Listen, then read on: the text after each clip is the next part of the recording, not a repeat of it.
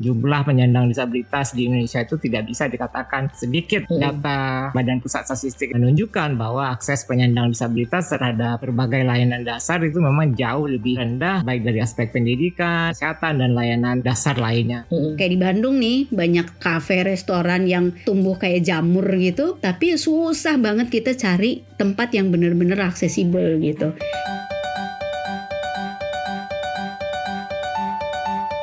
Hello, everybody, and welcome to the show where we bring you unique stories from our inspiring alumni with me, Desi Bahir.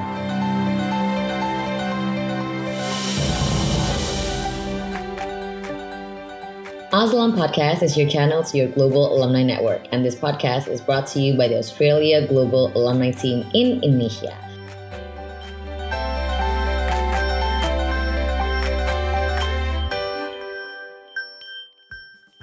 Di podcast episode 10 ini, saya akan mengangkat isu yang sedang menjadi perhatian Menteri Ketenagakerjaan Ibu Ida Fauzia, yaitu isu inklusi penyandang disabilitas yang merupakan isu lintas sektor, terutama dalam isu pemenuhan hak pekerjaan bagi tenaga kerja penyandang disabilitas.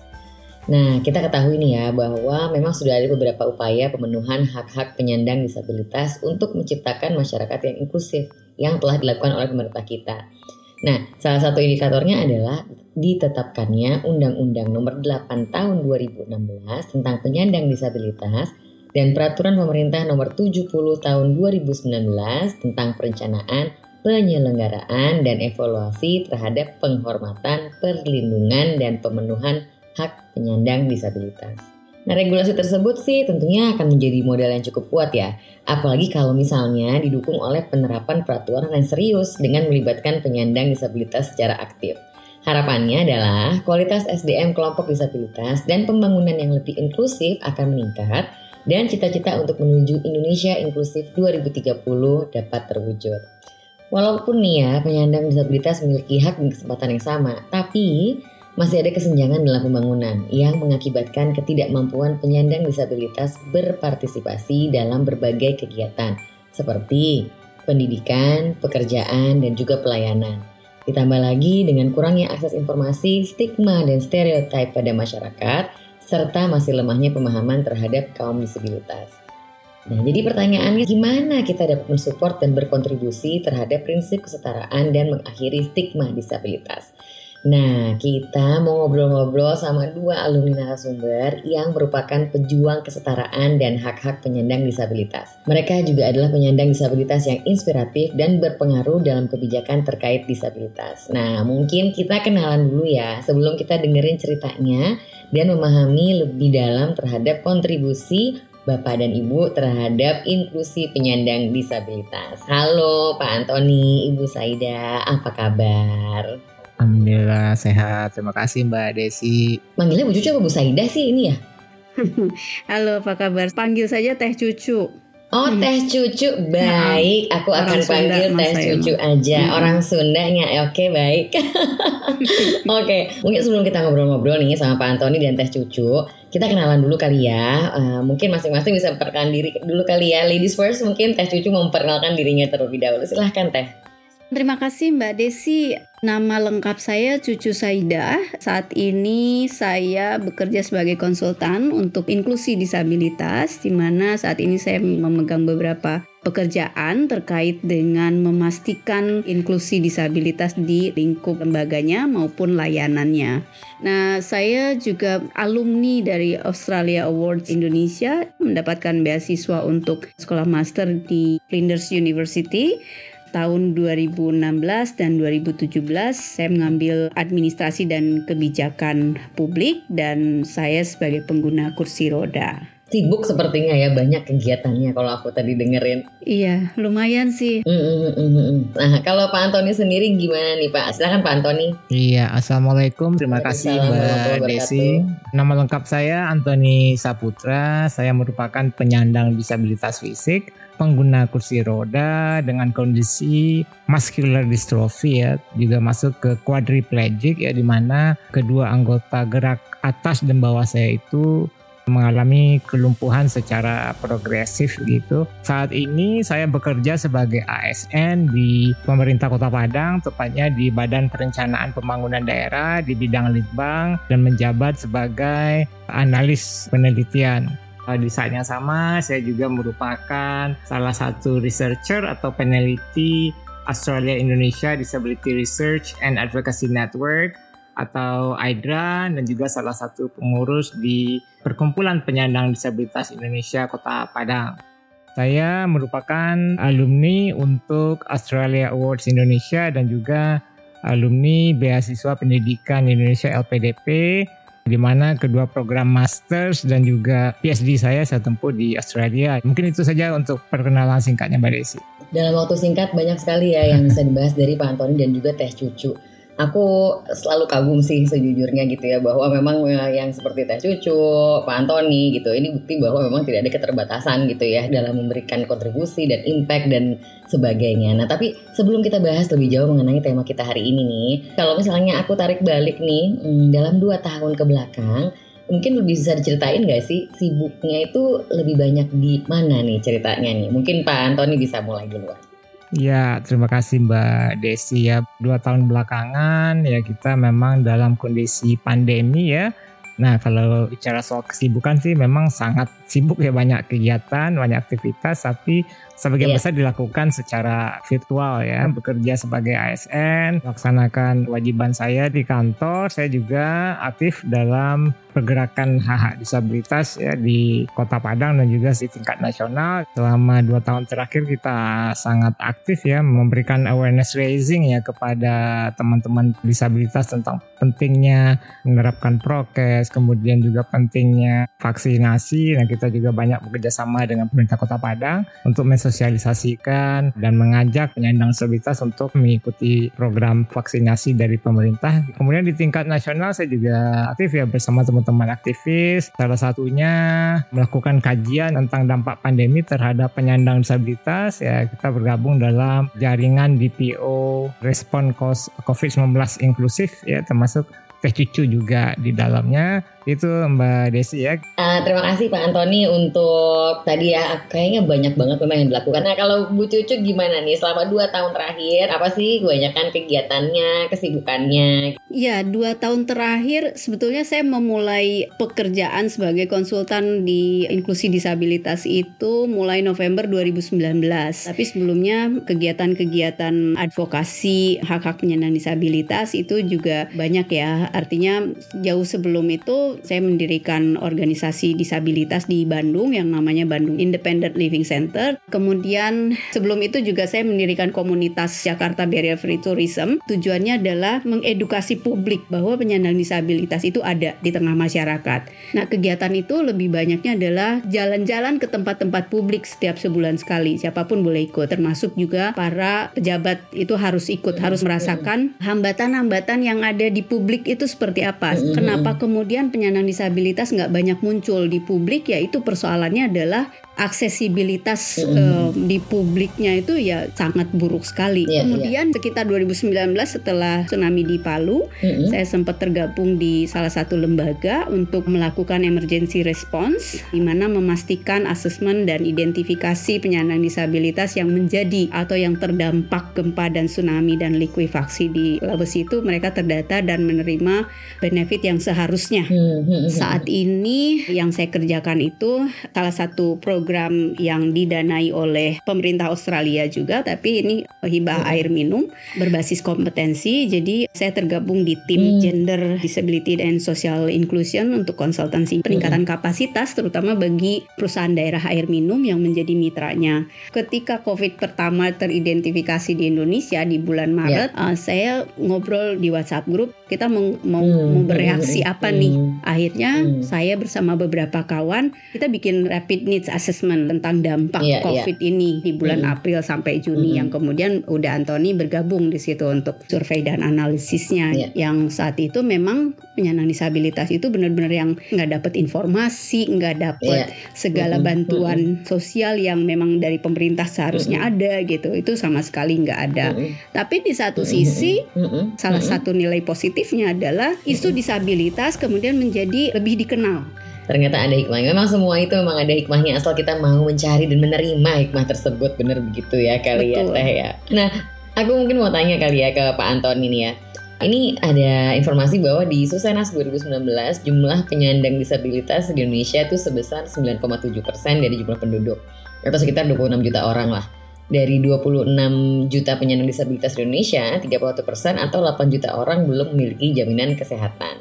Nah sebelum masuk ke pertanyaan, apa sih yang dikategorisasikan gitu loh sebagai penyandang disabilitas setelah itu selain kendala akses ini, apa sih yang bisa dilakukan oleh ya kita semua sehingga keresahan yang dirasakan oleh teman-teman penyandang disabilitas khususnya di masa pandemi ini dapat berkurang? Iya, oke makasih Mbak Desi. Kalau kita bicara soal definisi atau makna penyandang disabilitas ya kita harus tahu dulu ya bahwa sebenarnya disabilitas itu is an evolving term ya hmm. proses yang terus hmm. bisa berubah berkembang ya namun jika kita merujuk ke Undang-Undang Nomor 8 Tahun 2016 tentang penyandang disabilitas yang merujuk ke mm -hmm. uh, UNCRPD United Nations Convention on the Rights of Persons with Disabilities itu Nah, di sana disebutkan bahwa mm-hmm. penyandang disabilitas adalah mereka yang memiliki keterbatasan ya baik secara fisik, sensorik, mental dan intelektual dalam jangka waktu lama eh, yang kemudian berinteraksi mm. ya dengan masyarakat yang tidak akomodatif. Nah, sehingga terjadilah disabilitas itu. Okay. Nah, memang betul ya disebutkan Mbak Desi tadi bahwa jumlah penyandang disabilitas di Indonesia itu tidak bisa dikatakan sedikit mm-hmm. kalau kita menggunakan World Report on Disability dari WHO itu diprediksi di atas 15 persen. Mm. Data Badan Pusat Statistik itu juga menunjukkan bahwa akses penyandang disabilitas terhadap berbagai layanan dasar itu memang jauh lebih rendah dibanding dengan penduduk non disabilitas, baik dari aspek pendidikan, kesehatan dan layanan dasar lainnya, Mbak Desi. I see, I see. Nah, apa sih kira-kira yang bisa dilakukan untuk menanggulangi ini Nah kalau kita bicara apa yang dapat kita lakukan, mm -hmm. penanganan penyandang disabilitas itu membutuhkan sumber daya eh, besar dengan adanya dukungan negara, kemudian juga biaya yang dikeluarkan oleh komunitas dan keluarga penyandang disabilitas mm -hmm. itu relatif dapat ditekan serta memastikan ya tidak ada penyandang disabilitas yang terlantar akibat ketidakmampuan ataupun pengabaian mm -hmm. dari komunitas dan keluarga. Nah ini menjadi hal yang penting untuk kita pikirkan. Nah, jadi kalau menurut saya yeah. sangat perlu upaya reformasi perlindungan sosial di tingkat nasional yang afirmatif bagi penyandang disabilitas. Mm. Tentunya di sana juga masuk akses pendidikan yang inklusif, kemudian akses pekerjaan atau livelihood yang inklusif, infrastruktur yang inklusif, kemudian kesempatan sosial yang inklusif serta penanganan inklusif dalam kondisi bencana. Mm. Nah, jadi dengan adanya dukungan negara tadi, keluarga dan komunitas, maka akan terciptalah ya masyarakat inklusif yang kita cita-citakan bersama di mana penyandang disabilitas yang tadinya rentan itu akan menjadi penyandang disabilitas yang potensial dan berkontribusi.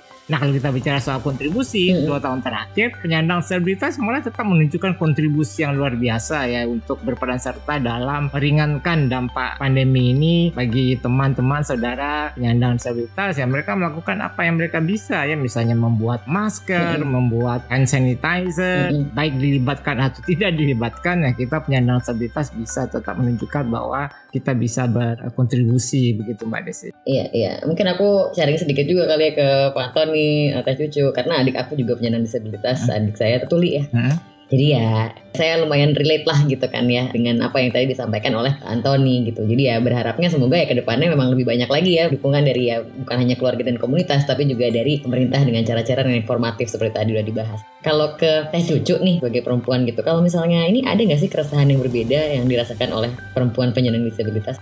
Ya, perempuan termasuk kelompok yang berisiko. Tetapi kemudian ketika berbicara perempuan dengan disabilitas, maka double lagi risikonya. Hmm, Misalnya nih, ketika bicara soal ekonomi. Ekonomi ini misalnya bagi perempuan dengan disabilitas yang tidak menentu apakah menjadi asisten rumah tangga misalnya atau berjualan makanan, banyak sekali yang terdampak kehilangan mata pencahariannya kemudian menciptakan bagaimana seolah perempuan dengan disabilitas itu menjadi beban bagi keluarganya misalnya. Mm. Kemudian yang kedua bicara soal hygiene. Covid ini kita tahu mm. semua harus hidup sehat, harus prokes, salah satunya adalah sesering mungkin cuci tangan. Tapi persoalannya bagaimana dengan perempuan dengan disabilitas yang mereka tinggal di area yang tidak punya akses air bersih. Mereka harus pergi keluar rumah. Nah, ini persoalannya bukan hanya hygiene-nya aja, tapi keamanannya juga. Mereka akan lebih rentan lagi uh, menjadi korban pelecehan atau korban pemerkosaan. Tuh. Jadi menjadi perempuan dengan disabilitas itu risikonya bisa 3 4 kali lipat bahkan lebih terutama kalau misalnya disabilitas yang dialaminya lebih dari satu misalnya. Namun sayangnya di Indonesia ini ya isu tentang perempuan sudah banyak peningkatan tapi persoalan perempuan dengan disabilitas masih mereka lupakan nih Oh gitu. di antara kalangan penggerak perempuan juga. Bahkan di kalangan penggerak perempuan gitu ya Teh Cucu ya. Kalau misalnya tadi banyak sekali aku dengar beberapa kali disebutkan oleh Teh Cucu, Pak Antoni bahwa memang penyandang disabilitas sepertinya selalu left behind. Nah, karena berhubungan dengan isu itu gitu kan. Sebenarnya banyak orang mungkin sudah mulai ada usaha gitu ya untuk mengedepankan uh, isu mengenai penyandang disabilitas dalam tata kehidupan bernegara. Seperti ya di forum kerjasama regional atau internasional ya kan di PBB, G20, Asia Pasifik maupun ASEAN gitu. Itu kan sudah mulai diangkat gitu. Nah, kalau menurut Pak Antoni, Teh Cucu, gimana sih uh, supaya kita dapat meningkatkan atau menyamakan kesempatan untuk penyandang disabilitas terutama di dunia kerja dan bagaimana cara menghilangkan hambatan yang memungkinkan penyandang disabilitas untuk berpartisipasi penuh dalam masyarakat. Iya, untuk hak ketenaga kerjaan bagi penyandang disabilitas kita sudah punya legal framework yang sudah lebih dari cukup untuk menjamin itu ya Mbak Desi. Kita di Undang-Undang Nomor Hmm, 8 tahun 2016 itu sudah dijamin dengan jelas. Dan kemudian juga sudah ada turunannya yaitu PP Peraturan Pemerintah Nomor 60 tahun 2020 tentang Unit Layanan Disabilitas Bidang Ketenagakerjaan.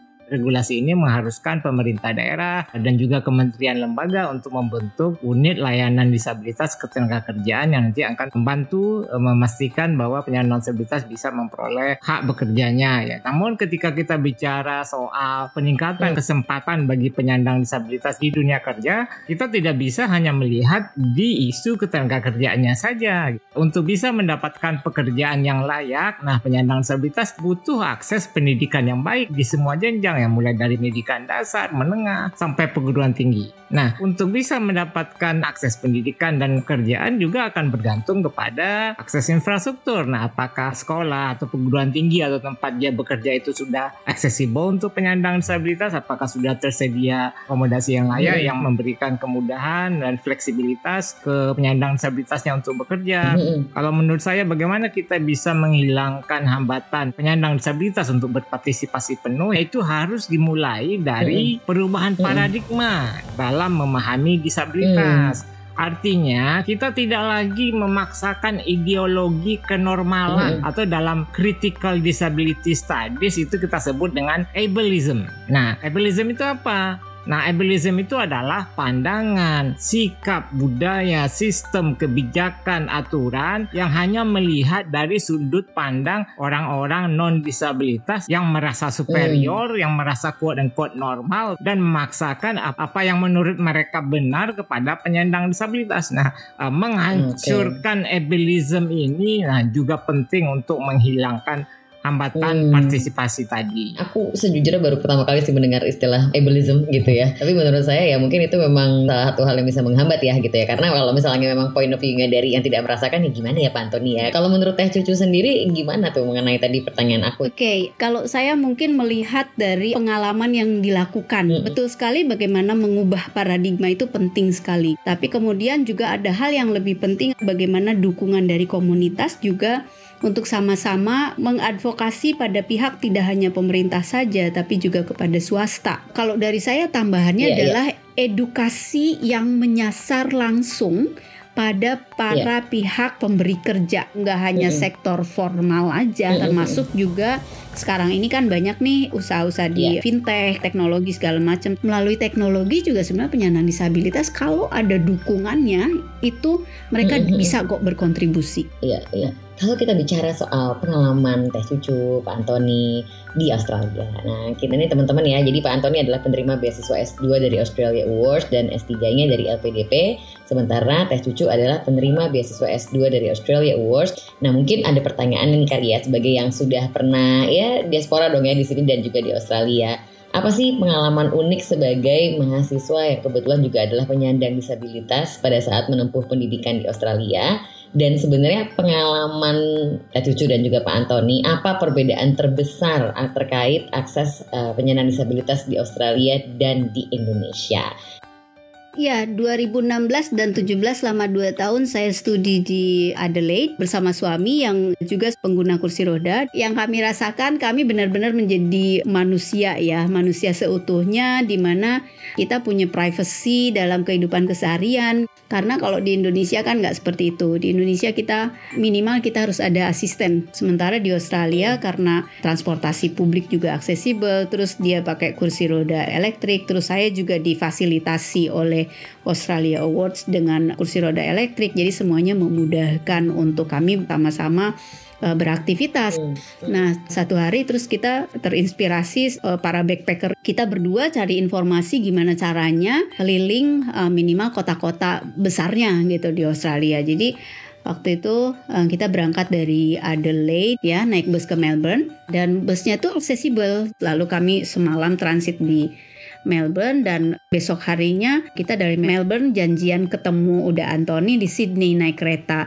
Dan keretanya pun aksesibel gitu. Jadi secara di jalan kami berdua nggak ada hambatan tuh terus explore beberapa tempat wisata. Itu asik banget memang merasakan masuk ke restoran. Memang belum semuanya fully accessible tapi kita banyak pilihan gitu loh. Lah kalau di sini kan aduh kayak di Bandung nih banyak cafe restoran yang tumbuh kayak jamur gitu tapi susah banget kita cari tempat yang benar-benar aksesibel gitu. Ya itulah. Artinya kami merasakan satu hal yang berbeda. Di sana benar-benar menjadi manusia seutuhnya jadi emang berbeda sekali ya sebenarnya kalau misalnya aku dengar-dengar cerita tadi kan maksudnya hal-hal yang tadi diceritain sama Teh Cucu ya sepertinya belum ada di sini ya Teh ya. Belum ada. Uh-uh. Kalau misalnya Pak Antoni gimana Pak? Ada pengalaman unik apa? Terus mungkin kalau ya dibandingkan ya dengan di Indonesia apa sih uh, yang paling terasa gitu? Ya betul, apa yang dirasakan, yang dialami oleh Teh Cucu dengan Uda Faisal Nah itu juga saya rasakan ya. Dulu saat S2 itu di tahun 2010 juga saya menikmati kebebasan melakukan sesuatu yang tidak bisa saya lakukan di Indonesia ya. Bisa yeah. bepergian ke mana saja, menggunakan moda transportasi apa saja tanpa hambatan, keliling kota Brisbane ya ke berbagai tempat wisata mm. secara mandiri gitu ya. Mm. Nah kemudian saya sempat bepergian ke Darwin mm. untuk menghadiri undangan seminar di sana difasilitasi oleh Australia Award saat itu. Mm-hmm. Saat S3 seperti Teh Cucu juga saya punya pengalaman pertama yeah. kalinya bersama istri kita melakukan perjalanan mandiri dari Sydney ke Canberra, kemudian dari Canberra ke Melbourne, dari Melbourne langsung ke Sydney ya saat itu menghadiri undangan sebagai speaker di acara Indonesia Update di Canberra dan di Melbourne. Dan karena saya hanya bepergian dengan istri saat itu panitia kegiatannya juga menyediakan lifting hoist ya jadi alat gendong yang memungkinkan istri saya untuk memindahkan transfer saya dari kursi roda ke tempat tidur atau ke kamar mandi dan uh, sebaliknya. Hmm, nah kalau bicara soal kuliah gitu ya, nah, kita kan sebenarnya tahu bahwa pemerintah Australia tuh melalui program Australia Awards Indonesia tuh sangat berkomitmen untuk mendukung kualitas SDM Indonesia yang inklusif. Nah sekarang ini ada peningkatan partisipasi students dan alumni dalam kegiatan uh, Australia Awards Indonesia dan sekarang ini ada 57 scholars yang sudah menyelesaikan jenjang masters maupun PhD dan 38 orang yang telah mengikuti program short course di Australia. Nah selain itu ada juga 30 alumni yang telah mendapatkan alumni grant scheme untuk menjalankan proyek terkait disabilitas. Nah tapi mungkin nih ya pendengar masih ada yang merasa minder atau ragu untuk daftar dan mengikuti program beasiswa. Ada tipsnya nggak sih buat orang-orang yang masih merasa seperti itu? Mungkin buat yang dengerin juga gimana tuh? Mungkin Pak Antoni kali. Iya, kalau buat saya sih nggak ada tips tertentu ya. Artinya feeling confident aja ya yang jelas kita yakin dengan program yang kita pilih dan kemudian tahu bagaimana mengkontribusikan nanti ilmunya setelah menyelesaikan studi di Australia saat kembali ke Indonesia. Mm -hmm. Nah jadi nggak perlu takut-takut atau minder lagi ya. Yang penting ya udah siapkan semua persyaratan, penuhi persyaratannya semaksimal mungkin ya langsung apply aja ya udah ya pokoknya kalau jangan khawatir mm -hmm. kalau dari teh cucu nih ada nggak Kalau dari saya mungkin bukan tip Mm-mm. Australia Awards Indonesia nih sekarang sudah cukup masif ya informasinya. Biasanya juga Mm-mm. suka ada semacam webinar khusus membahas tentang beasiswa Australia ini. Nah, eh, saya kira dengan sering mengikuti itu, itu bisa jadi salah satu motivasi atau inspirasi. Mm-mm. Nah, yang kedua juga mungkin bisa banyak ngobrol dengan para alumni ya. Alumni misalnya nih, udah Anthony kan udah terkenal banget ya, maksudnya. eh, ya bisa sesekali kemudian eh, menjalin hubungan gitu. Artinya bertanya-tanya, ngajak ngobrol gitu. Kira-kira eh, saya mau studi apa nih? Mau di kota mana nih? Seperti itu. Kemudian yang ketiga, kalau misalnya kita ingin menambah wawasan, menambah eh, pengalaman, pengetahuan, tetapi di satu sisi mungkin secara eh, pendidikan untuk S2 belum memungkinkan atau untuk S3 belum memungkinkan, Australia Awards itu juga ada program short course ya dan beragam sekali. Nah, itu juga bisa untuk coba juga nih bagi teman-teman yang belum bisa mencapai misalnya S1 minimal di Indonesia, maka kesempatan lain yang bisa disasar adalah short course seperti itu. Yang intinya itu menambah pengalaman, menambah pengetahuan, menambah jejaring juga yang kemudian ketika kembali ke Indonesia tentunya harus diaplikasikan. Karena kalau misalnya pergi saja ke sana, habis gitu pulang nggak bawa apa-apa, ya sayang banget sayang investasinya, investasi baik itu waktu, uang dan lain sebagainya. Mendingan kesempatannya buat yang lain gitu. Iya, iya, iya. Eh, Pertanyaan terakhir dari aku terkait dengan yang sudah kita bahas nih dari tadi mengenai inklusi penyandang disabilitas dan juga cita-cita menuju Indonesia inklusif 2030. Nah, gimana Pak Antoni, Teh Cucu melihat Indonesia 10 tahun dari sekarang? Apakah cita-cita Indonesia inklusif 2030 ini sesuatu yang masih bisa kita wujudkan gitu? Gimana? Oke, jadi Mbak Desi, semua pencapaian itu kan berawal dari mimpi ya. Saya memimpikan penyandang disabilitas di Indonesia nanti bisa berpartisipasi tanpa hambatan lagi, bepergian ke mana saja dengan mudah ya karena semua transportasi dan build environmentnya sudah accessible. Kemudian semua disability services termasuk uh, assistive technology, kemudian attendant care juga sudah tersedia sesuai kebutuhan. Kemudian terdapat uh, apa mekanisme perlindungan sosial universal yang betul-betul inklusif disabilitas ya. lalu semua penyandang disabilitas Indonesia dilihat sebagai komponen penting yang harus dilibatkan dalam masyarakat. Kemudian penyandang disabilitas Indonesia semakin banyak yang menyelesaikan pendidikan tinggi hingga doktoral. Kemudian penyandang disabilitas Indonesia semakin banyak yang memiliki pekerjaan yang layak. Nah jika aktivisme hak-hak disabilitas berbasis pengetahuan di Indonesia terus progresif seperti sekarang dan juga pemerintah serta stakeholders lainnya juga uh, punya komitmen yang sangat kuatnya untuk uh, 2030 Indonesia inklusif disabilitas. Nah, saya optimis kita bisa. Kalau Teh Cucu gimana Teh melihat ini? Um, rasanya terlalu ambisius ya kalau saya. Mohon maaf bukan berarti saya pesimis, tapi Hmm. 2030 itu udah 8 tahun yang akan datang. Artinya kita ini secara kebijakan sudah sangat banyak banget, tapi lagi-lagi implementasinya itu yang menjadi persoalan. Tapi mungkin kalau kalimatnya adalah menuju Indonesia inklusif bisa saja. Mm. Hanya mungkin dari sisi persentase ya sekian persen ada peningkatan misalnya dengan adanya kebijakan-kebijakan yang lahir by 2030 berapa kebijakan yang kemudian mendukung atau ada berapa kebijakan yang berpihak pada disabilitas misalnya. Itu satu dari sisi kebijakan. Kemudian yang kedua yang menjadi PR besar adalah tentang implementasinya nih gitu. Ketika kebijakannya sudah Hmm. ada kita harus punya tolak ukur dulu. Misalnya kita bicara sektor pendidikan aja dulu. Pendidikannya pun berjenjang gitu. Ada misalnya pendidikan dasar dan menengah.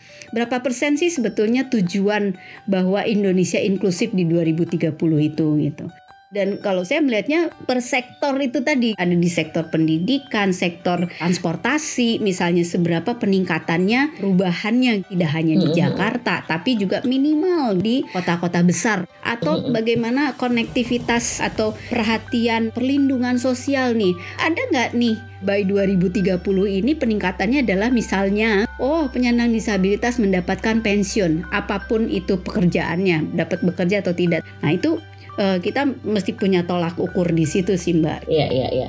Jadi memang diawali dengan mimpi ya, tapi untuk menujunya tadi itu ya tetap harus ada dukungan pemerintah, keluarga dan juga komunitas. Nah terima kasih banyak Tes Cucu, Pak Antoni untuk waktunya uh, di hari ini dan terima kasih juga untuk teman-teman alumni yang sedang mendengarkan. Nah di episode selanjutnya akan ada eksklusif interview dengan tamu kita yang lain yang juga pasti nggak kalah menariknya. Dengerin terus Auslam Podcast di mana saya akan ngobrol tentang pengalaman Australian alumni lain yang juga menginspirasi dan tentunya menarik. And that's all for this episode of the Aslam Pilot Podcast. If you like our podcast, leave us a really good rating and review. And if you want to stay connected with our alumni networks and stay up to date with our alumni events, you can subscribe to our Australia Global Alumni Weekly Updates and join our Australia Indonesia Alumni Forum on LinkedIn. Uh, the links are in the show notes. Oke teman-teman, uh, terima kasih banyak lagi untuk waktunya. Sampai ketemu, saya Desi Bahir. Saya Antoni Saputra. Saya Cucu Saida. Sampai ketemu, bye-bye. Bye.